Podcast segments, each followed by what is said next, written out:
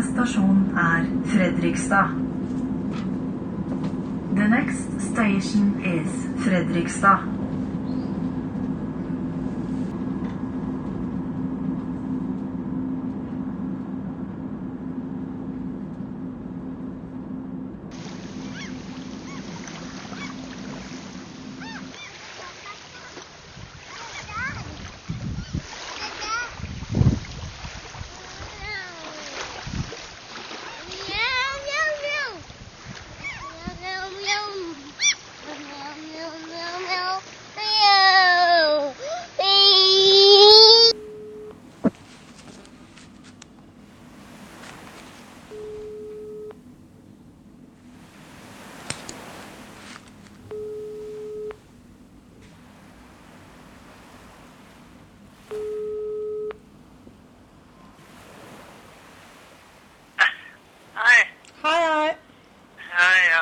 Hvordan, Ja. går- hvordan går det der? Ja, det er bra her. Ja. Ja da. Mm. Har vi ikke hatt besøk av en kamerat som sitter og prater. Ja, det var fint på Hvaler i går, eller Fredrikstad i går, eller? Både Fredrikstad og Hvaler, ja. Ja, jeg hørte det. Vi løp mellom trærne som jeg den gang trodde var skoger. Vi løp over svabergene som jeg den gang, trodde, var fjell.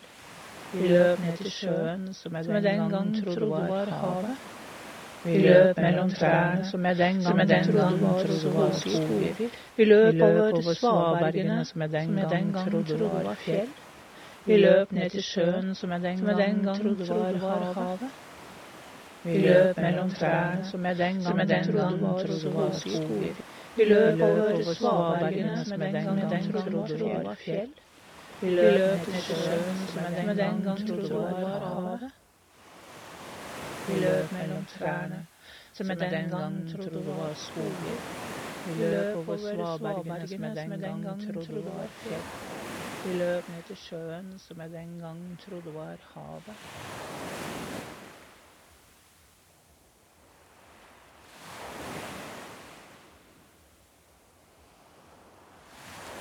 Jeg står på kontoret. Her står jeg, og jeg skal fortelle deg. Jeg skal fortelle deg om henne som ikke levde livet, tenkte jeg. Men hvem er jeg som kan si det? Hva om ikke jeg lever livet? Hva er å leve livet? Det skjedde for noen uker siden. Jeg dro ut på øya hvor jeg vokste opp. Og der satt vi, min søster, min tante og jeg, og snakket om det som var, er og det andre, ja, du vet alt det andre vi snakker om som bare er det andre. Vi satt på verandaen, Astmaløya, bolle med jordbær på bordet, bare å forsyne seg, himmelen, uvær, torden, det styrtregnet, vi satte oss inn. Så kom hun fram igjen i rommet mellom oss familiens uoffisielle og ikke vedtatte hemmelighet. Henne jeg ikke kjenner. Henne jeg ikke kjenner, henne ingen av oss kjente. Hun som kunne være hvem som helst fordi hun ikke hadde noen gjenkjennbare trekk. Hun kunne være hvem som helst. Hun kunne være hvem hun som helst. kunne være hvem som helst. Hun kunne være hvem. Hun kunne være hvem. Hun kunne være hvem. Være hvem som helst. Hun kunne være hvem. Brått ble hun en skikkelse mellom oss, en innimellom et nesten menneske jeg måtte vite mer om, tante Ebba. Det er ingen som kjente tante Ebba. Kjente hun? Kjente hun oss? Ebba var stille fortalte ingenting, ikke noe å gjenfortelle. Gjennomsiktig hud, fine rynker som svinner ut i glatthet, har du sett inn i ansiktet på et veldig gammelt menneske. Tante Ebba er død, det er sikkert. Det forunderlige er at hun var den siste som døde av en søskenflokk på fem. Hun hadde fire brødre og overlevde dem alle, det er sikkert. Du vil senere forstå hvorfor det er underlig. Hun var en insistering tross alt. Jeg har truffet tante Ebba. Hun var ikke min tante, tante til mamma, søsteren til min bestefar. Hun fantes ikke lenger, fordi ingen kan fortelle stort om henne. Hennes historie ble knuget bort i det stille, man snakker ikke om det, et menneske går bort, og ingen husker at hun en gang levde. Hun lever ikke et hemmelig liv i andre. Hun var en kladd, en undertekst, pausen i en dialog. Jeg har truffet tante Ebba. Flere ganger, flere ganger satt hun stille, stille i en sofa, tidde stille stillheten under stillheten etterpå. Jeg vil fortelle om tante Ebba, ingen kjenner til hva som skjedde med henne, jeg forteller henne inn i vår erindring, jeg ikler meg doktor Frankensteins rolle og finner fram de døde fragmentene og gjør henne levende ved å sette sammen bitene fra her og der, overalt, ingen steder. Det vil ta tid å gjøre henne levende, og ingen vet hvilken versjon hun egentlig var. Ebba Bartola Andersen Lie. Ebba Bartola Andersen Li. Ebba Bartola Andersen Li. Ebba Bartola Andersen Li. Ebba Bartola Andersen Li. Da Ebba ble 17 år, ble hun funnet i en kjeller i Drammen. Det skal være sikkert. Hun ble plassert i en mørk kasse. Det er hun andre jeg nå forteller om. Fordi Ebba fikk meg til å tenke på henne, kan jeg gjennom å fortelle om henne forstå noe av det som skjedde med Ebba.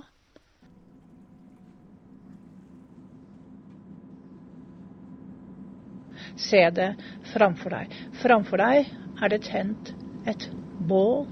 Flammene står høyt i været. Der blir hans kropp stekt slik skikken var. Da bålet brant, ble hans døde kropp lagt på det brennende bålet. En gang hadde han vært en pjokk som lekte i hallen til sin far, så en ung gutt som drepte dragen, så en stormforelsket mann som måtte glemme henne. Nå var Sigurd død og ble lagt på det brennende bålet, og hans tre år gamle sønn ble plassert ved hans side på venstre side. Sønnen var drept av henne som han elsket så høyt. Hun sto og så på det brennende bålet. Deretter gikk hun. Hun gikk. Hun gikk inn i det brennende bålet og døde med Sigurd. Men dette skal ikke handle om dette elskende paret slukt og slukket av begjær og ild. Det handler om henne,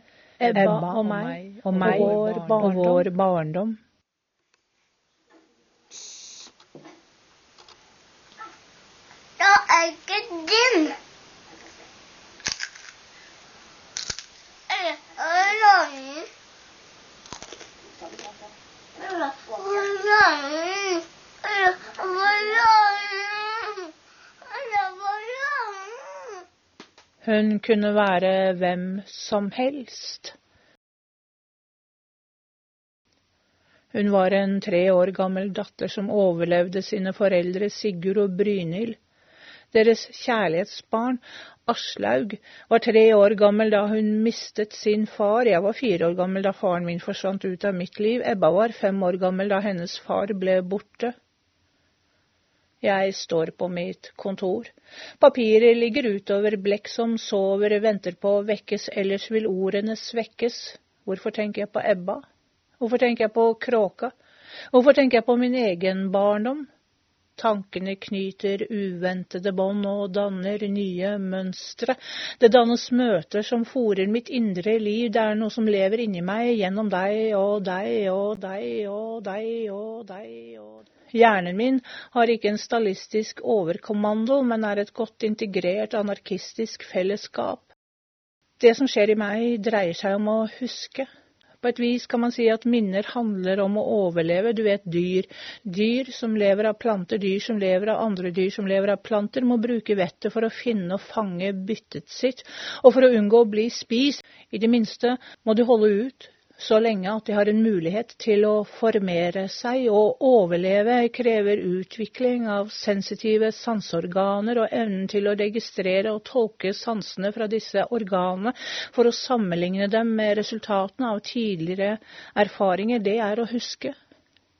Det er å huske, for da får hjernen større kapasitet Det er av betydning for evolusjonen. Liten pause her, ja. Rom for et tja eller jaha eller hva da eller aha.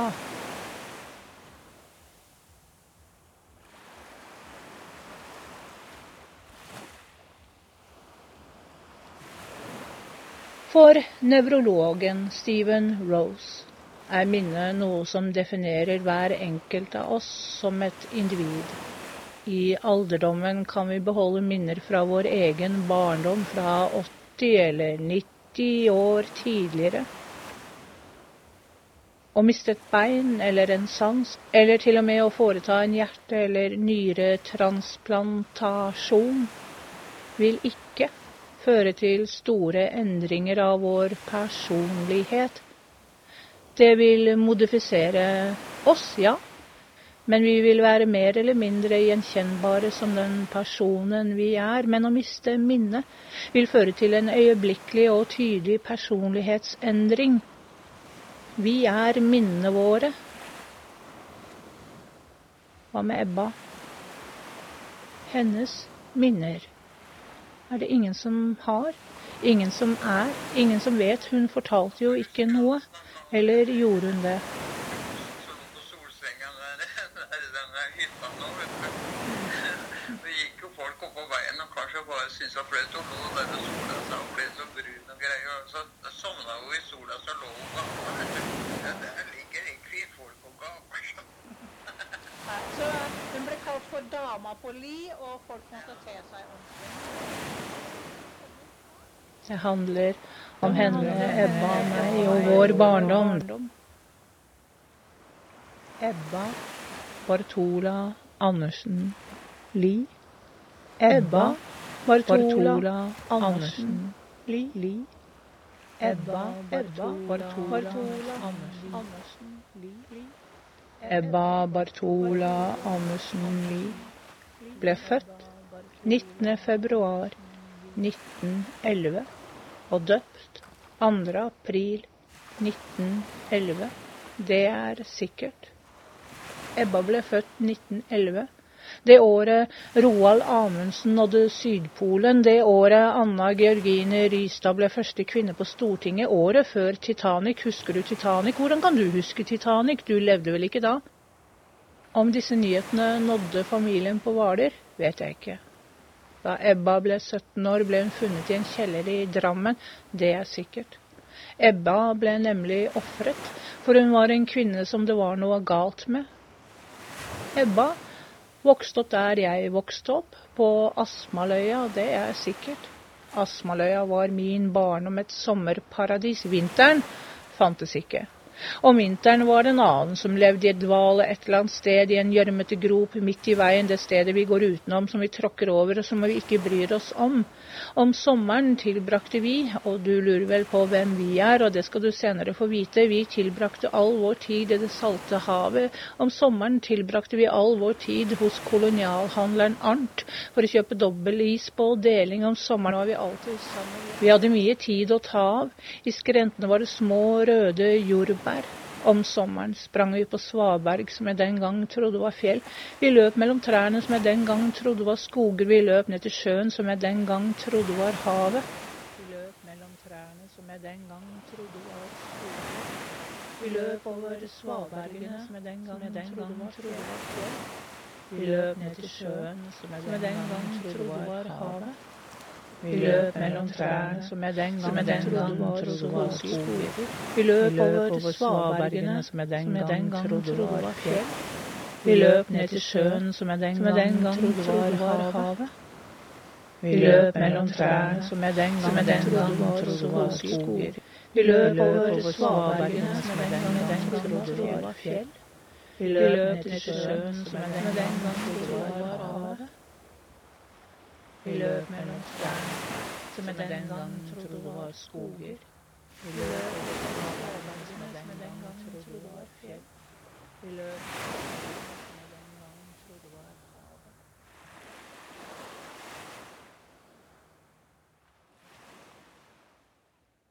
Det tror jeg tante Ebba gjorde også. Min mamma sier på telefonen at Ebba var tiltrukket av havet. Vi løp mellom trærne som jeg den gang trodde var skoger, vi løp over svabergene som jeg den gang trodde var fjell, vi løp ned til sjøen som jeg den gang trodde var havet. Jeg trodde det var havet. Jeg lengter etter havet. Ebba lengtet etter havet.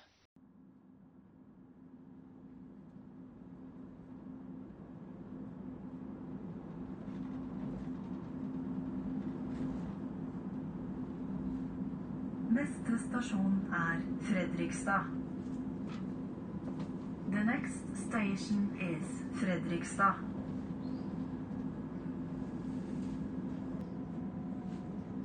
Heimir så på fosterdatteren Aslaug, som var tre vintre. Hun var ikke lenger trygg der på gården, hennes foreldre Sigurd og Brynhild hadde fiender. De ville ganske sikkert lete etter henne og ta livet av den siste som var igjen av ætten. Heimir var en rik mann med et eget lille rike, men hva spilte det for noen rolle nå som fosterdatteren måtte reddes? Heimir laget en stor harpe. I den la han rikdommer og verdigjenstander. I den la han fosterdatteren. Datteren i harpa, harpa med rikdommer, rikdommer for framtida. Framtida er en blinkende kursiv. Selv iførte Heimir seg filler slik at ingen skulle kjenne han igjen så reiste han med harpa fra sted til sted til sted til sted. Harpa var slik laget at han kunne ta den fra hverandre og felle den sammen, og det pleide han å gjøre om dagen da de ikke var ved folk, da de gikk forbi fosser. Da tok han harpa fra hverandre, slapp jenta ut, vaska henne og ga henne en vinløk. Vinløk, forteller fortellingen, har den egenskapen at man kan leve lenge på den selv om man ikke har noen annen føde. Om jenta gråt, spilte han på harpa, ja, da tidde hun, for Heimir var flink til å spille på harpa han var flink i kunst. De kom til Norge og en liten gård som het Spangereid. Der bodde en bonde som het Åki og hans kone Grima. Det var ingen flere mennesker enn dem der. Den dagen var bonden dratt til skogs, men kjerringa var hjemme, hun var det. Hun så fremmedkaren på avstand, så han bar tungt, fillete kledd, hun rettet seg opp, en svettedråpe datt fra haka og traff jordskorpa.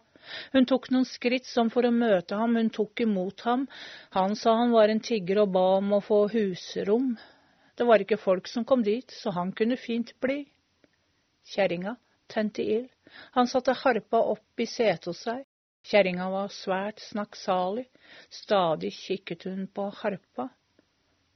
En tråd av kostbart tøy stakk ut av den. Da han varmet seg ved ilden, så hun en kostbar gullring stikke ut mellom fillene hans. Hun kunne være hvem som helst. Hun kunne være hvem hun som helst. Kunne være hvem som helst. Hun kunne være hvem. Hun kunne være hvem. Hun kunne være hvem som helst. Da han hadde blitt god og varm, fikk han kveldsmat, og deretter ba han kjerringa om å følge ham dit han skulle sove. Kjerringa sa at det var bedre at han sov ute enn inne, fordi de var så snakksalige der om kvelden. Heimir gikk med på det. Han tok med seg harpa og fulgte kjerringa bort til låven. Hun sa god natt og forlot ham. Han la seg til å sove i høyet med harpa ved sin side.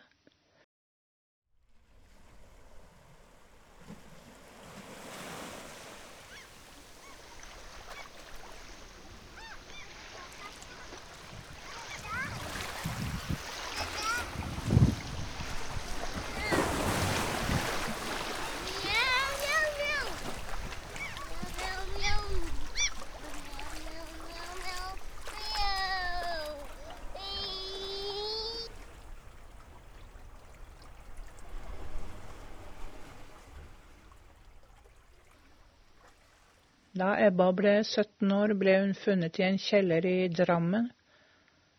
Det skal være sikkert. Ebba ble nemlig ofret. For hun var en kvinne som det var noe galt med. Etter det var Ebba stille.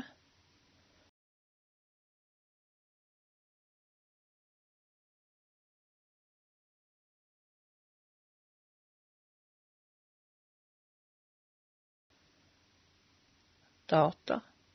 Vi bearbeider ikke data. Mennesket bearbeider ikke informasjon som data, men det, som gir mening å glemme, å glemme er en viktig funksjon. Å huske alt. Å huske alle dataene som går igjennom sansene hver dag, vil være en umulighet for oss. Vi sorterer ut det som gir mening. Vi husker ting forskjellig. Vi har noe som kalles for gjenkjennelsesminnet, og noe som er huskeminnet, og de opererer ulikt. Vi husker abstrakt informasjon, f.eks. tall, annerledes enn hvordan vi husker komplekse scener eller mønstre. Det kan eksempel være vanskelig for oss å beskrive noen vi kjenner detaljert, men vi har ikke problemer med å kjenne mennesket igjen. Prøv selv. Prøv selv. Se for deg ansiktet til din mor. Veldig kraftig krøllete hår. Mm. Ja. Og så Trygve hadde jo krøller i ungdommen, da. Så Trygve, pappa hadde litt sånn da. Se for deg ansiktet til din mor. Så prøver du å beskrive det med håndbevegelser. Og deretter ord.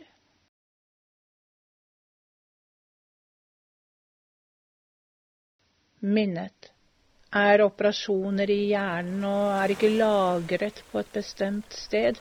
Minnet er meningsfylte mønstre som dannes i meg. Derfor er det ikke så underlig at sommeren med torden på Asmaløya får meg til å tenke på Ebba, som får meg til å tenke på kråka, som får meg til å tenke på min egen barndom. Jeg kan se alle tre for meg, men det jeg forestiller meg, kan jeg ikke beskrive fullt ut.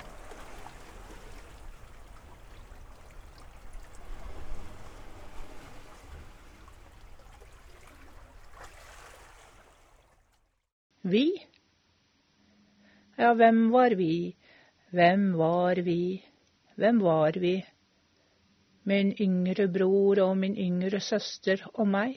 Min bror han var blond i luggen og irriterende. Min søster var tre år yngre, hun hadde langt, lyst hår, store blå øyne som alltid lo og var irriterende. Min bestevenninne het J. Hun kom hver sommer sittende bakerst i en rød boble som kjørte opp den bratte bakken. Hun danset ballett og tok ridetimer. Hun hadde lange bein og langt solgult hår. Så var det R. R var lang, tynn, hengslete, hang framover. Hun røkte. E var brun i luggen. Han hadde tatt alle merkene på idrettsdagene, alle svømmemerkene, alle havhestmerker og meget godt i alle skolefag, også de som ikke fantes. Sommeren 1976 kom vår helt ridende på en hvit hest.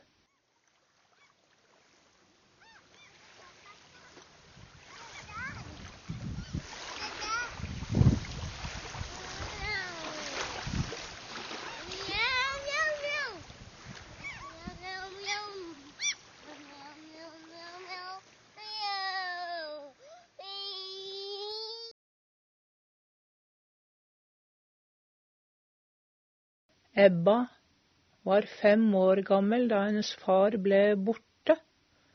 Skipper Bernhard, Ludvig, Andersen, Lie omkom da barken Gerd forsvant sporløst mellom Liverpool og Novia Scotia i 1916. Det var under første verdenskrig, det vet vi sikkert. Bernhard var stort sett på havet nå visste de ikke hvor han egentlig var.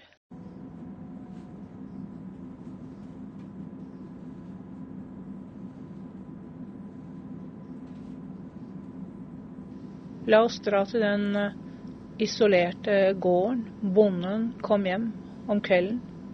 Kona hun hadde ikke gjort noe av det hun skulle. Han var trett og vond å ha med å gjøre fordi hun ikke hadde gjort noe av det hun skulle. Bonden sa at det var ikke mye glede i at han sleit seg utover hele dagen om ikke hun gjorde det som hun skulle gjøre. Ikke vær sint, mannen min, sa hun, for du skal snart få vite at vi blir rike. Hva mener du? Kjerringa svarte. Vi har fått besøk av en mann, en stor kriger. Han er gammel, han er sliten, men jeg ser at han er en stor kriger. Jeg har aldri sett hans like. Og han er rik, det ser jeg. Bonden syntes ikke det var noe særlig at man skulle ta og gjøre noe vondt mot de som kom på besøk. Det var et svik. Kona ble bister og sa åh, typisk deg. Alt er så vanskelig for deg. Alt er hardt for deg. Gjør nå det ene eller det andre. Enten dreper du ham, eller så tar jeg ham til mann, og så jager vi deg bort. Og jeg kan fortelle at han snakket med meg i kveld, og du vil ikke ha likt det han sa til meg. Han snakket usømmelig til meg, og jeg bestemte meg for at jeg skal ta han til ektemann og jage deg bort, eller så dreper jeg deg hvis ikke du gjør som jeg vil. Bonden lot kjerringa bestemme. Han tok øksa og kvesset den kraftig. Så fulgte han etter kjerringa dit Heimir lå og sov. Han snorka svært. Da sa kjerringa til bonden at han skulle hugge til ham med all kraft. Skynd deg og løp bort, slik at han ikke får kommet seg opp på beina og tatt hånd om deg. Hun tok harpa og løp det fortest hun kunne bort med den. Bonden går bort til der hvor Heimir sover. Han hugger til ham, og det blir et stort sår. Men han mister øksa, og han løper bort så raskt han bare kan. Nå våkner Heimir av hugget dødelig såret. Det fortelles at hans dødskamp var så voldsom at husstolpene falt ut og huset falt sammen. Det ble et stort jordskjelv, og slik døde han. Bonden og kona, de brøt harpa opp, og der så de rikdommer og en jente. Ah, sa bonden. Her, ja, sånn går det. Her har vi fått en hjelpeløs en i våre hender. Ja, men det skal gå bra, det skal vi ikke bry oss om, sa kjerringa. Hun spurte jenta hvilken ett hun er av. Hun kunne være hvem som helst. Hun kunne være hvem hun som helst. kunne være hvem som helst. Hun kunne være hvem? Hun kunne være hvem? Hun kunne være hvem? Hun kunne være hvem som helst. Hun kunne være hvem, men den unge jenta svarte ingenting. Det var som hun ikke kunne snakke. Åh, nå er vi ille ute, sa bonden. Vi har gjort en stor forbrytelse, og dette er straffen. Nå må vi ta oss av Skal vi ta oss av dette barnet, kanskje? Selvfølgelig, sa kona. Hun skal hete Kråka etter mor min. Ja, Men hva skal vi gjøre med barnet? Vi skal fostre henne opp som vår datter. Ha-ha, det er det ingen som vil tro. Dette barnet er jo mye vakrere enn vi to. Vi er begge lite pene, verken vakre eller vene, og det er jo ingen som vil tro at vi kan få et slikt barn som er så ulikt oss. Sa kona. Jeg klipper henne, og så smører jeg inn henne med tjære. Og så får hun en si hette og så skal hun ikke være pent kledd, og så skal hun gjøre det verste arbeidet på gården. Ja, vi har både fått et barn og en slave.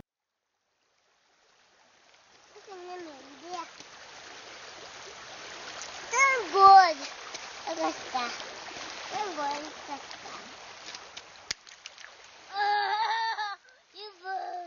Ass, laug, kråka ble en trell en som ikke talte, og hun vokste opp i fattigdom. Slik fortelles det i den norrøne fortellingen kalt Voldsungsaga og Ragnar Lodbroks saga. En dag vil kråka vokse opp og bli en dronning. Det er en helt annen fortelling. Samtidig er det godt å vite at det gikk slik, for det gikk ikke slik med Ebba. Ebba Bartola Andersen Li. Ebba Bartola Andersen Li. Li. Ebba Bartola, Andersen, Li. Li. Ebba Bartola, Bartola Andersen Li. Ebba Bartola Andersen Li. Moren til Ebba, bare kalt Dama på Li, ble alene hjemme med fem barn. Barna måtte ut i skogen og samle tørre pinner de kunne selge som ved. Dama på Li strammet forkleet, dyrket marka og solgte frukt og grønnsaker, sto bøyd over åkeren for å få det til å gro, kjenner du jorda legge seg under neglene, så prøver du å få det bort, men det legger seg en mørk rand nederst. Det er ganske sikkert at Ebba måtte dele seng med andre, for det var vanlig på den tida, de dyttet nok føttene i hverandre og utstøtte åh, Moren til Ebba sa ganske sikkert nå må du børste krøllene dine. Ja, mor, svarte Ebba. Min mamma sier på telefonen at hun hadde hørt at Ebba hadde krøller. Gjennomsiktig hud, hver linje en melding fra tidens bud, fine rynker som svinner ut i glatthet, åpenbarer hvisken ennå ikke sett. Marina Warner tar for seg forestillingsevnen og hvordan sammensetningen av ord skaper bilder for vårt indre øye. I opplevelsen av en fortelling mener hun at det er et forhold mellom indre bilder, følelser og handling.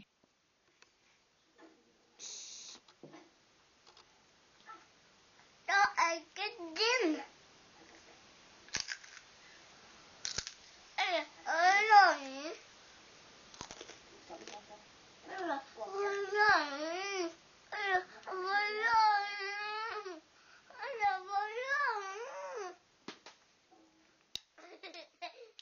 Vi kan forestille oss det som skjer i en fortelling fordi vi får egne assosiasjoner, og det vekker minner i oss.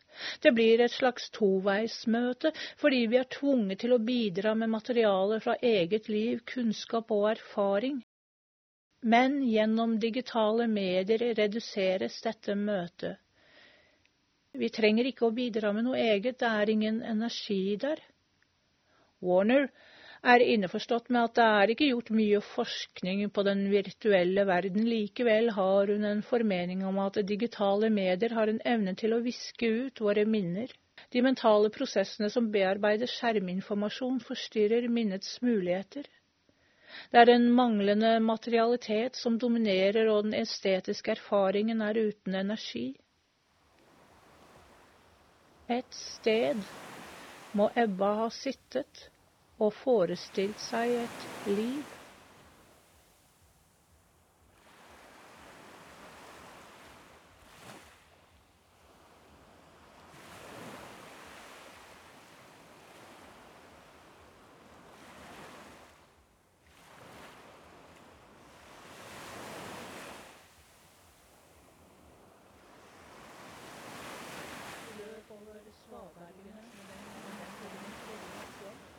Vi løp ned til sjøen, som jeg den gang trodde var havet. Vi løp trærne, som jeg den gang trodde var skoger. Vi løp over Jeg står på et sted, jeg står på mitt kontor. Papiret ligger utover blekk som sover, venter på å vekkes, slik at ordene ikke svekkes.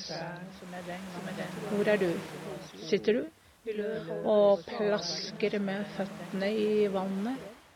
Eller sitter du i en hage hvor trærne skygger? Du slår ganske sikkert etter en mygg. Det er myggår i år, har jeg hørt. Det klør ned på legget. Den fikk du ikke med deg.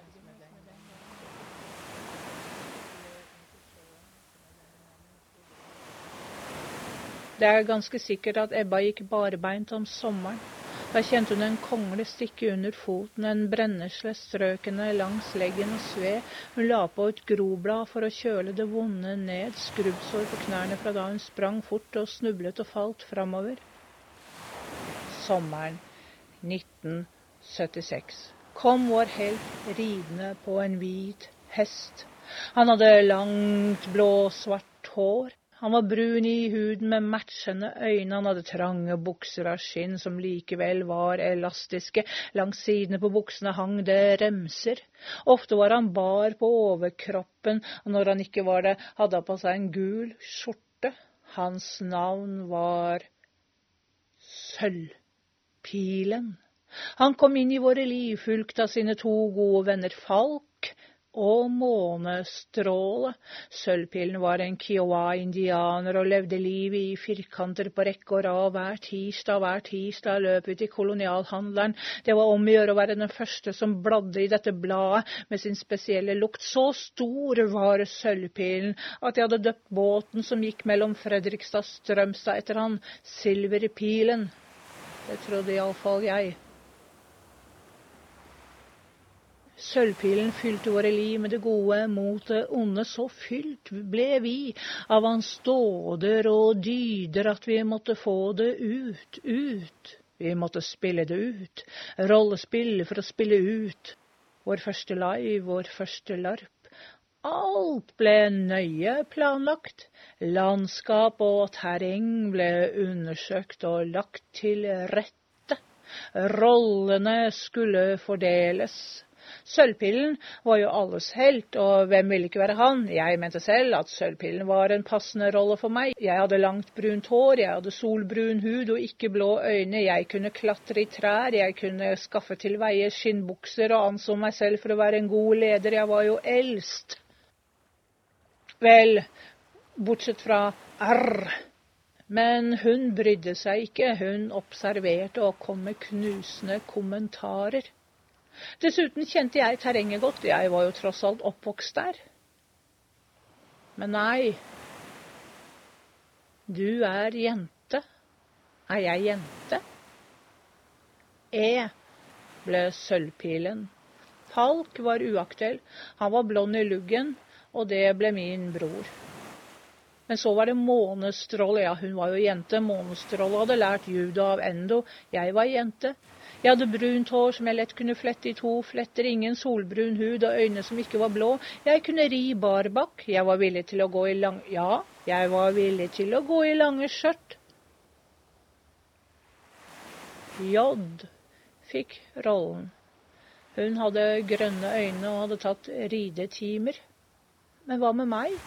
Jeg ville jo ikke være en av de der forfyllede cowboyene som satt i saloonen Teddy og Jerry. Det var mer R-s rolle, det. Må du være med? Må jeg være med? Kan jeg ikke være med? Ah, du kan være Tinka. Puma-ungen. Hæ? Skal du være med, så må du være Puma. Puma?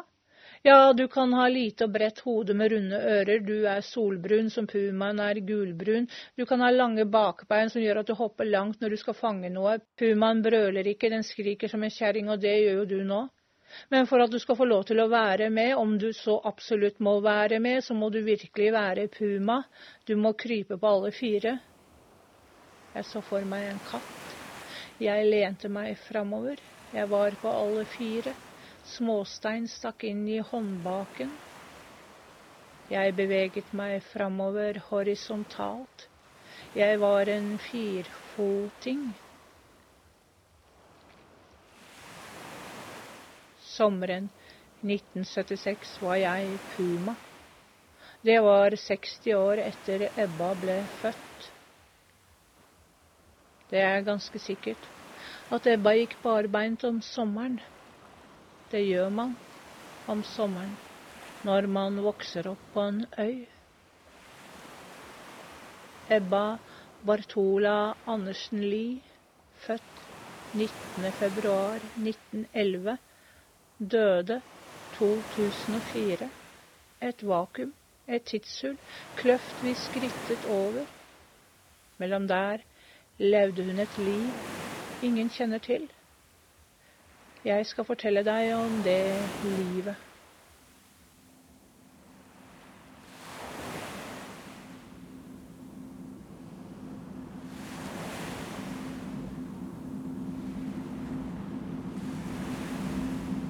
Neste stasjon er Fredrikstad.